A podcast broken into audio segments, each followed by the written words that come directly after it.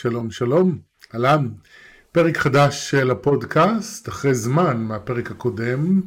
הפרקים האלה מגיעים בטפטופים כשפתאום יש לי השראה לנושא חדש שלא דיברתי עליו. הפעם ההשראה לפרק הזה היא מטיפול שעשיתי ממש אתמול. מטופלת שלי שאני מלווה אותה כבר כמה שנים. דיברנו על, על היש, על להכיר ביש.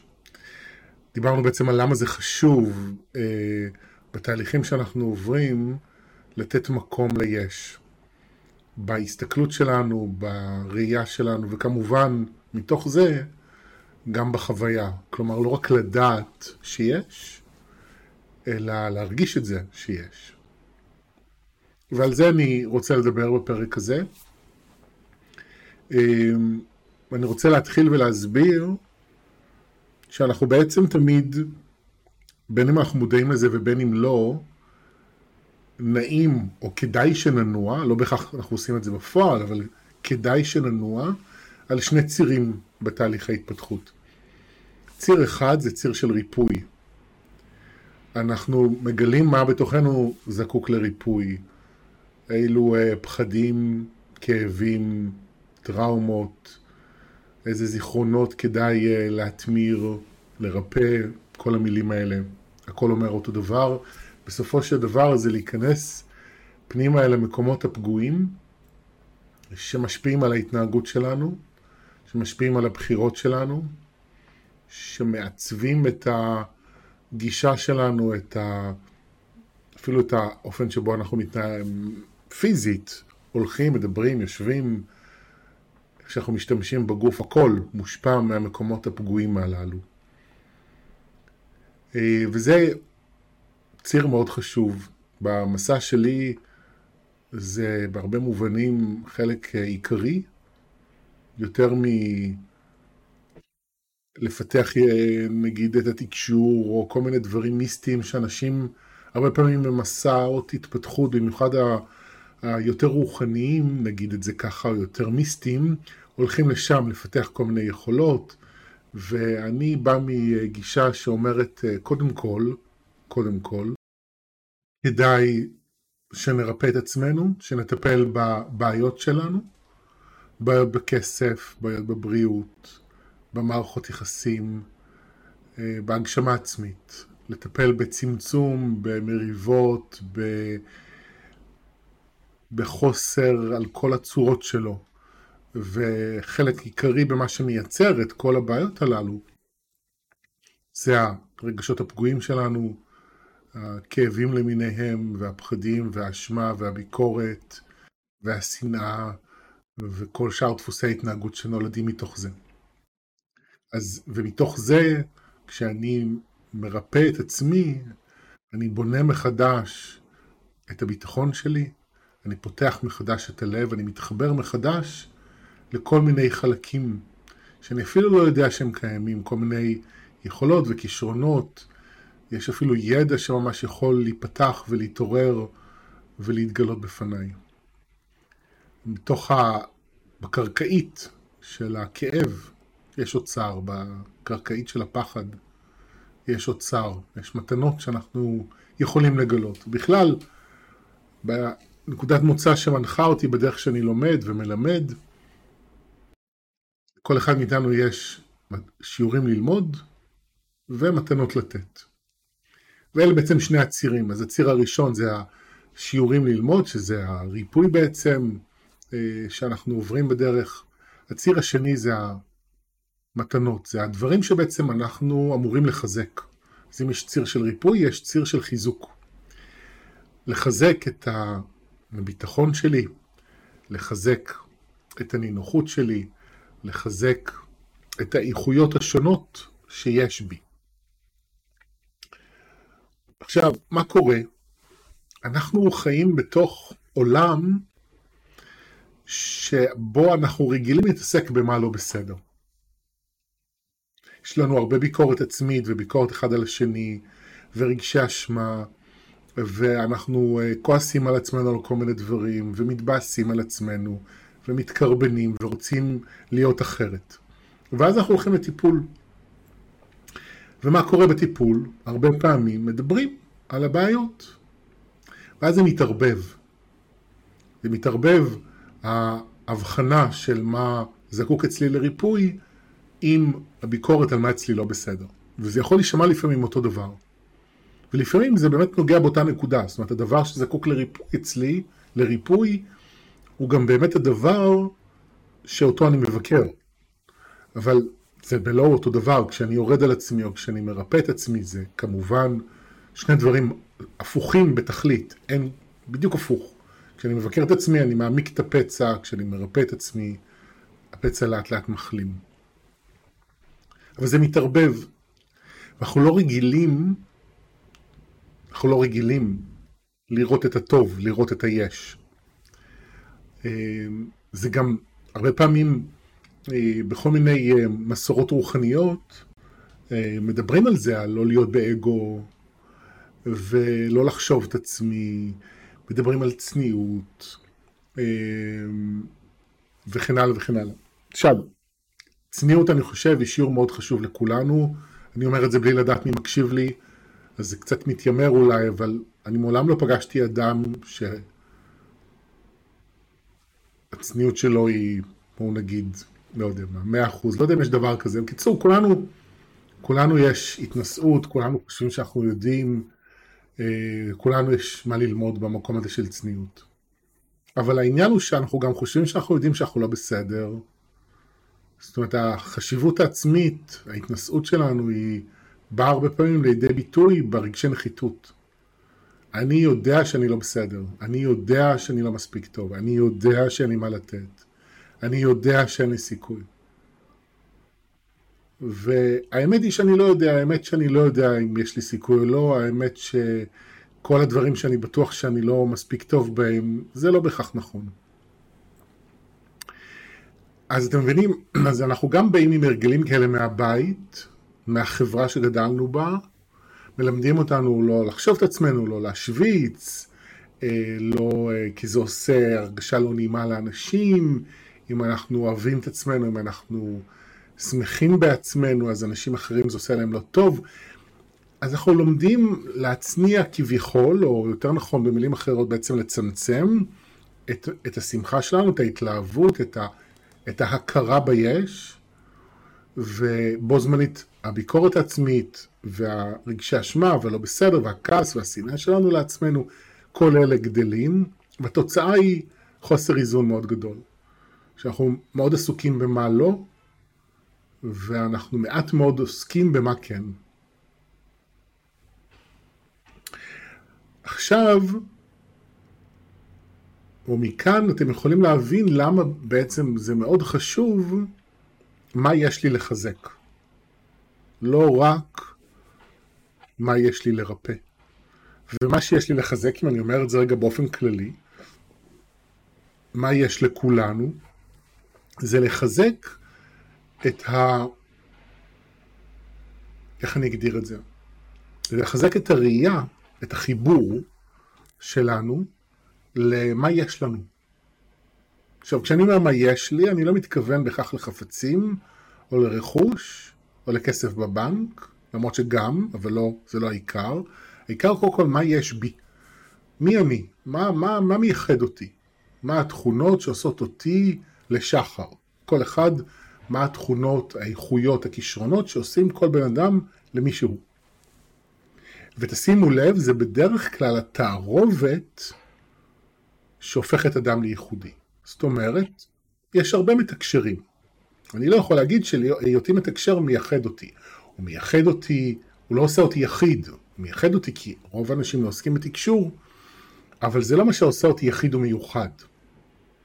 מה שעושה אותי יחיד ומיוחד זה העובדה שאני מתקשר, אני עושה מסע רוחני רגשי כבר הרבה מאוד שנים, ואני מתקשר קבוצת ישויות שמציגה את עצמם בשם תואר, שמעבירים תכנים למי שרוצה לעשות מסע רוחני רגשי, כל זה מייחד אותי באופן שעושה אותי יחיד ומיוחד. כי בעצם אין, אין מישהו שעושה את אותו דבר, וגם אם היה עוד מישהו שהיה עושה מסע דומה ומתקשר ישויות דומות, זה עדיין היה עובר אחרת.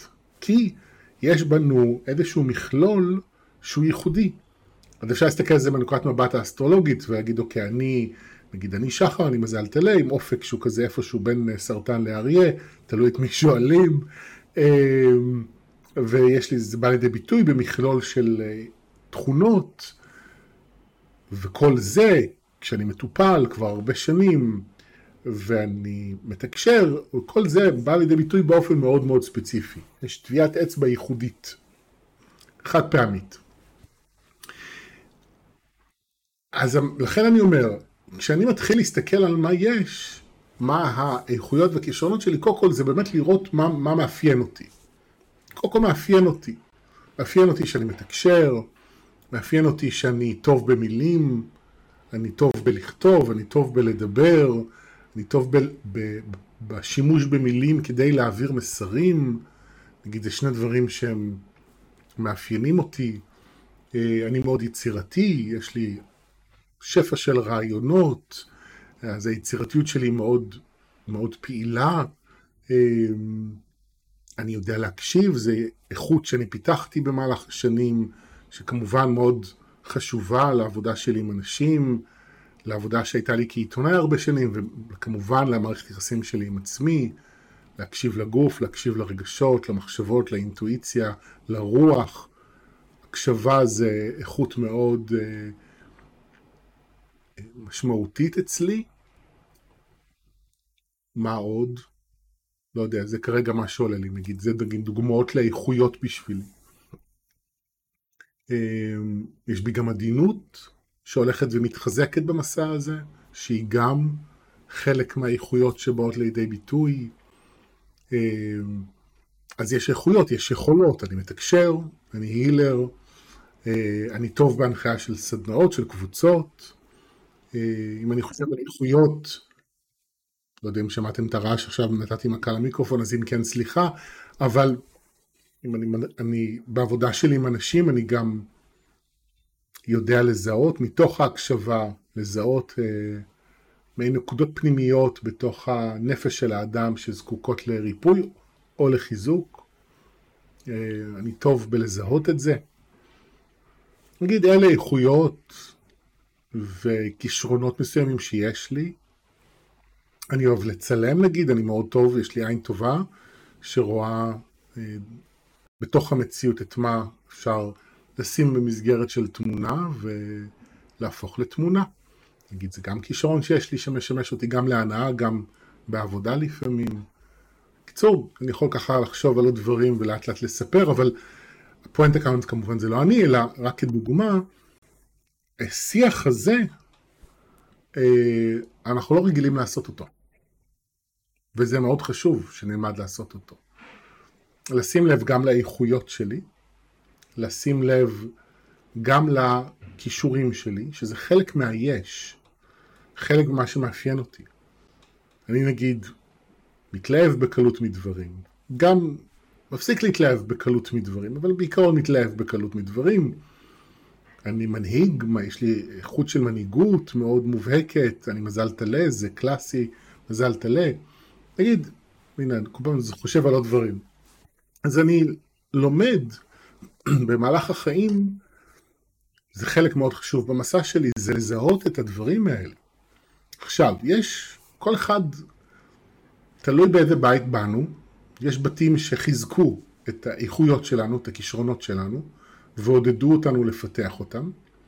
יש בתים שפחות התמקדו בזה, יש כאלה שבכלל לא. אז לפעמים זה יכול להיות יותר קל, יותר קשה. אה, אני, לשמחתי, גדלתי בבית ש... קיבלתי הרבה תמיכה יחסית, אז אני חושב שבזכות זה אני בערך כבר מגיל 15-16, כל התיכון, התלבטתי האם אני אלמד באוניברסיטת תקשורת, או האם אני אלמד פסיכולוגיה, כי אלה שני התחומים שמאוד משכו אותי. אמ, וכל השנים של התיכון לא ידעתי, כל פעם כמה חודשים אמרתי אני אלמד את זה, ואז אני אלמד את זה.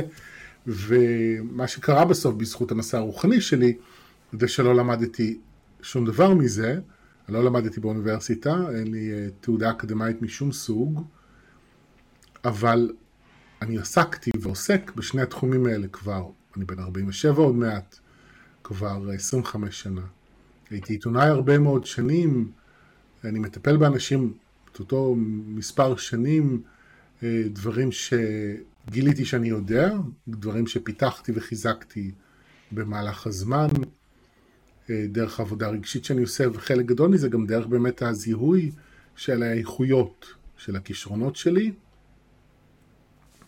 וכמו לשאת את זה, אוקיי? זאת אומרת, זה, זה לא רק לזהות את זה ולדעת שזה קיים, אלא כמו שאמרתי בהתחלה, זה גם באמת להרגיש את זה יותר ויותר, to own it, מה שנקרא, שזה אני, אלה האיכויות שלי, זה מה שעושה אותי טוב. עכשיו, אספר לכם שהמקור השראה לפרק הזה, בשיחה שעשיתי אתמול בטיפול, זאת שדיברנו, דיברתי איתה, שדיברנו ביחד, אז היא עובדת באיזושהי עבודה מסוימת, היא נותנת שירות לאנשים אה, בתחום של, אה, של התפתחות אישית בסוג מסוים, והיא דיברה על זה שהיא שונה מה, מהמורה שלה וממה שהיא למדה, והיא לא נותנת בדיוק את אותו דבר, ואז אולי מפסידה. סליחה, אולי התלמידים שלה מפסידים, כי הם לא מקבלים את מלוא החוויה שהיא כביכול אמורה לתת. כי היא למדה לתת X, אבל היא לא נותנת את ה-X הזה, היא נותנת משהו מאוד דומה, אבל גם שונה. יש דברים שהיא לא נותנת, יש דברים שהיא נותנת, שהיא למדה במקומות אחרים, אבל בעיקרון דיברנו על הלא. וזה היה מצחיק, כי היא אמרה את זה, ופתאום אמרתי לה, את יודעת, אם אני חושב על עצמי, אז מי שבא אליי בעיקר מפסיד. אם אני, אני יכול להסתכל על זה מנקודת מבט הזאת, ובעצם זה נכון גם לגבי כל אחד. למה? קודם כל, אני חושב על ורדה המורה שלי, שיש לה ניסיון חיים הרבה יותר עשיר ממני, בזכות הגיל, היא במסע רוחני הרבה יותר שנים ממני, יש לה ראייה הרבה יותר רחבה וצלולה משלי, והיא לא מקבלת אנשים, זה לא שהיא פתוחה לקבל, אז אני כבר אומר את זה למי שישר עושה לו חשק, אבל... אז אני יכול להגיד, מי שעובד איתי מפסיד כי הוא לא מקבל את כל מה שוורדה יכולה לתת. מה שאני נהנה ממנו בתור תלמיד שלה. אז זה נגיד דבר אחד. דבר שני, אני גבר. אז יש דברים שנשים אה, עוברות, שאני יכול להיות אמפתי אליו, אבל אני לא באמת באמת מבין. כי לא חוויתי את זה. ולמעשה, בלי קשר להיותי גבר, בכלל כבן אדם, דברים שאנשים עוברים, 90% מהדברים שאנשים מסביבי עוברים, אני לא עברתי. תודה לאל גם לשמחתי, טיפול אה, לא מחייב אה, טיפול איכותי לא מחייב uh, שהמטפל והמטופל עברו בחיים שלהם את אותו דבר. מזל, כי אחרת אני לא יודע מי היה עוזר לי. Uh, באמת, אני חושב על עצמי, uh, בחור צעיר, הומו, uh, הולך ללמוד אצל uh, אישה סטרייטית, מבוגרת. כי ככה התחיל המסע הרוחני שלי.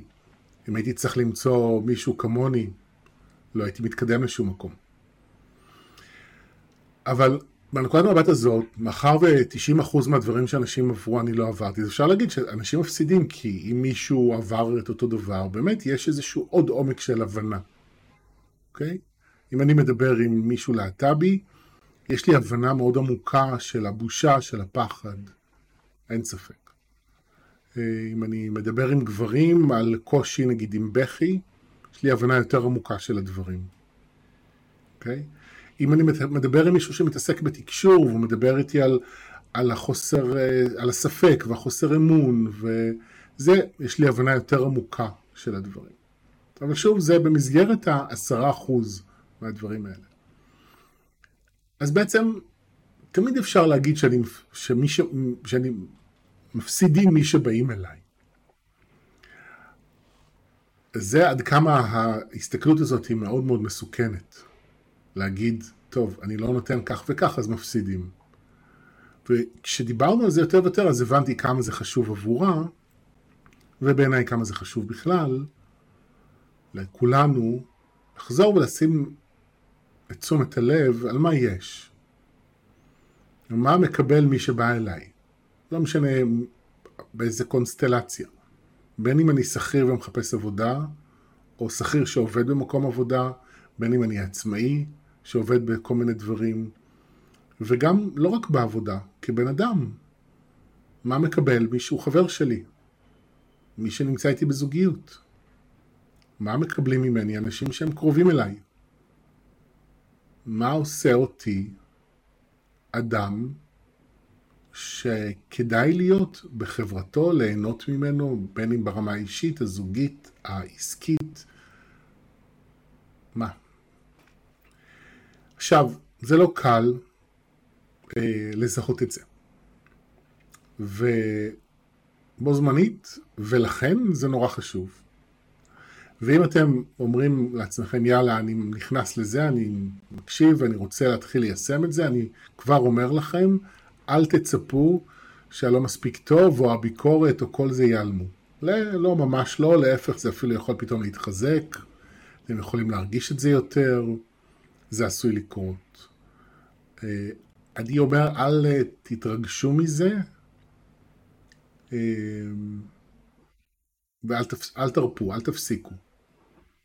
זאת אומרת, אוקיי, זה יעלה, יעלו כל מיני קולות, אז הביקורת העצמית לא תיעלם, הלא מספיק טוב לא ייעלמו, זה ימשיך, אבל זה בו זמנית זה לבנות הרגל נוסף, אם יש לנו הרגל לראות מה לא טוב, אז זה לבנות הרגל של מה כן טוב. עכשיו, מאחר ואנחנו למדנו מגיל מאוד מאוד צעיר לראות מה לא טוב, להתחיל בשלב כזה או אחר של החיים שלנו כאנשים מבוגרים, לראות מה כן טוב, יכול להיות מאתגר. זה ייקח יותר זמן, זה כזה... יהיה יותר קשה, אוקיי? אה, כזה זה ממש, כל המערכת שלנו צריכה, צריכה לזוז, כמו לשמן צירים ישנים.